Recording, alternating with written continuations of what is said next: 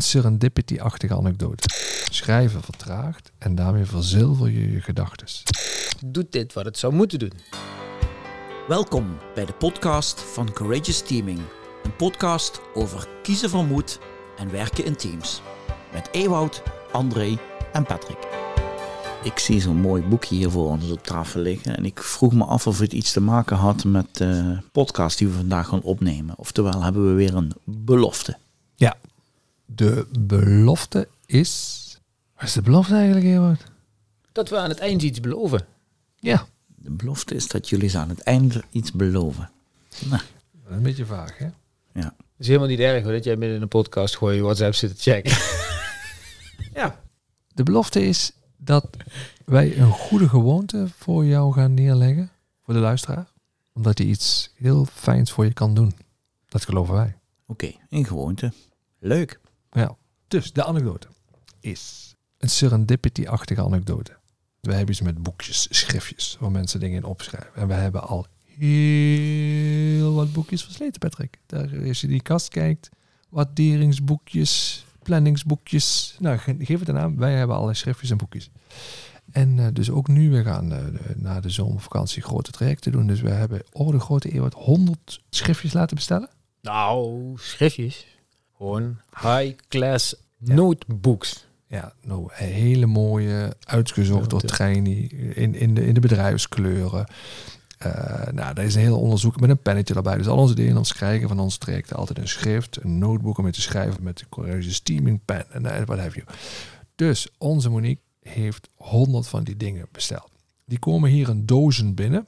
En ik heb me vervolgens achter de planten verstopt, zodat Eeuwert alleen die zware dozen naar ons kantoor heeft. Die dacht, die moet van de kernkwaliteit van iemand gebruik maken. Dus Ja. die heeft die, die dingen daar neergezet. Nou, die hebben daar een paar dagen staan. joh. Die, die dozen gewoon lekker in de hoek van de kamer. Eh, Dicht bij mij had hij die geflikkerd. Zo een vriend.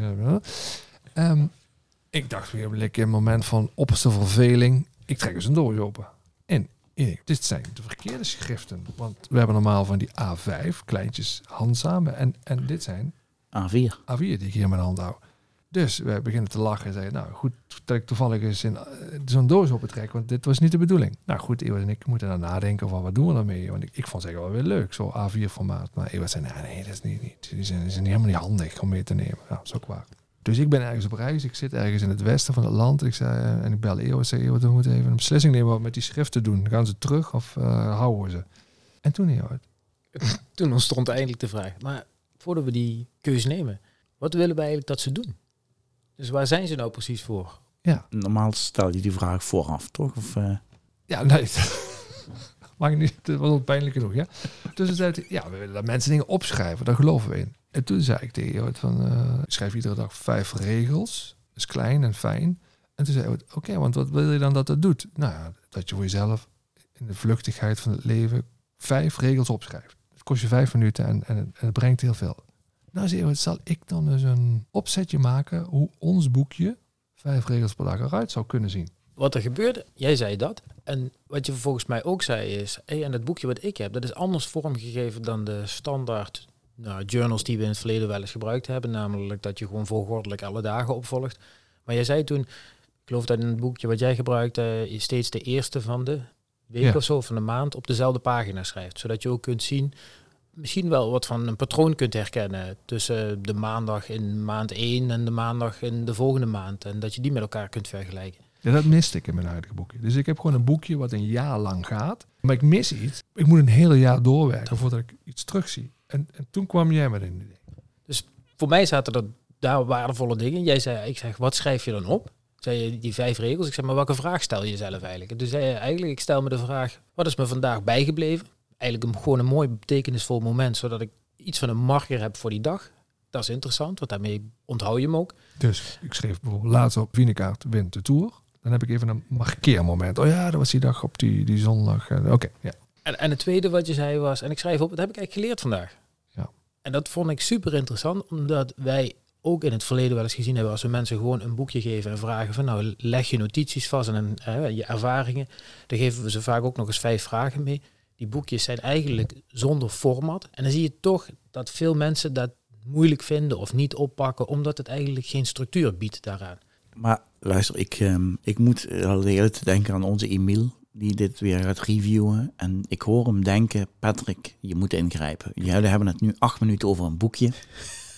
Het is 2022. We hebben OneNote, we hebben telefoons allemaal. Waarom? Waarom een boekje? Dus drie, schrijven vertraagt. Dus hoe moeilijk klanten waarbij wij werken, maar ook wij zelf het soms vinden. En ik ben echt geen schrijver. Iedereen in mijn omgeving weet dat. Maar het is echt de moeite waard om even te gaan zitten, een pen te pakken en gewoon eens handmatig een paar regels op te schrijven over dat. Het vertraagt en daarmee alleen al is het een super waardevolle vorm van reflectie. Trouwens, Emiel zit helemaal mee. Hè. Die hebben natuurlijk, we zijn niet gek, hè. die hebben gewoon die inleiding mee laten schrijven. Dus, dus die kan geen kritiek meer hebben nu. Hè. Die is Oh, niet mondig. oh zo. Dus dat, dat is geregeld. Maar één quote die Emiel erin heeft gebracht is... Schrijven vertraagt en daarmee verzilver je je gedachtes. En anders vervliegen ze. Dat is super mooi. En de structuur die we gekozen hebben, en dat miste ik in mijn huidige boekje, is je pakt 31 dagen in een maand. En dan kom je weer terug bij het begin van het boekje en dan staat de tweede dag. De tweede maand die op die maandag begint. Dus je ziet de maandagen onder elkaar en de volgende de dinsdagen onder elkaar. Dus je krijgt na een maand ook een beloning. Dat je terugkijkt. Oh ja, vorige maand had Phoenix uit die Ah. Tour gewonnen. Je gaat weer opnieuw lezen eigenlijk. Ja. Ja. Dat is de beloning. En dat miste ik nu. Dus dat je na een maand hebben we ook een pagina erin gebracht van blader eens even terug in die maand en, en wat valt je op? En na een half jaar dus ook. Dus dat, dat is het mooie, als je al een dagboekje zou noemen, het beloont je met je eigen verhaal. Ja. Nee. ja. Oh man, het is bijzonder lastig om dat uit te leggen terwijl je in een podcast zit eh, van hoe dat er nou uitziet. Dus wij dachten eigenlijk, eh, misschien is dat wel het mooie om, om vandaag naartoe te werken, is ja, de proof the pudding voor ons zit natuurlijk in de vraag, doet dit wat het zou moeten doen? Oftewel, helpt het mensen om echt iedere dag even te zitten en vijf regels op te schrijven waarvan iemand merkt, hey, dat brengt mij wat, maakt het leven wat betekenisvoller voor me en ik leer ook nog heel veel. Eigenlijk dachten wij, als er luisteraars zijn die zeggen, ik wil dat proberen, dan stuur ons een berichtje. Het e-mailadres is info@courageousteaming.com en wij beloven gewoon dat iedereen die nu zegt, goh, dat boekje dat wil ik graag hebben, als die daar een berichtje naar stuurt, krijgt die dat boekje van ons. En zijn wij hartstikke benieuwd of het doet wat het zou moeten doen. Ze worden ergens de komende maand gedrukt. Dus laat het vooral weten. Dus zoals je ziet, Trein heeft dit boekje fantastisch opgemaakt. In Ja. de huisstijl, kleuren, met een mooi format. En dan krijg je er een beeld bij. En je krijgt hem van ons wat Eeuward zegt. Hartstikke mooi. En die, die andere dozen, zijn die nou terug? Of, eh, de- want ja, dat, kunnen we niet open laten. Ja, ja. Eh, die staan er ook nog. Oké. Wij, wij kunnen geen boekjes terugsturen. Dat, Nee. Daar zijn we niet goed in. Maar maandag is André er niet.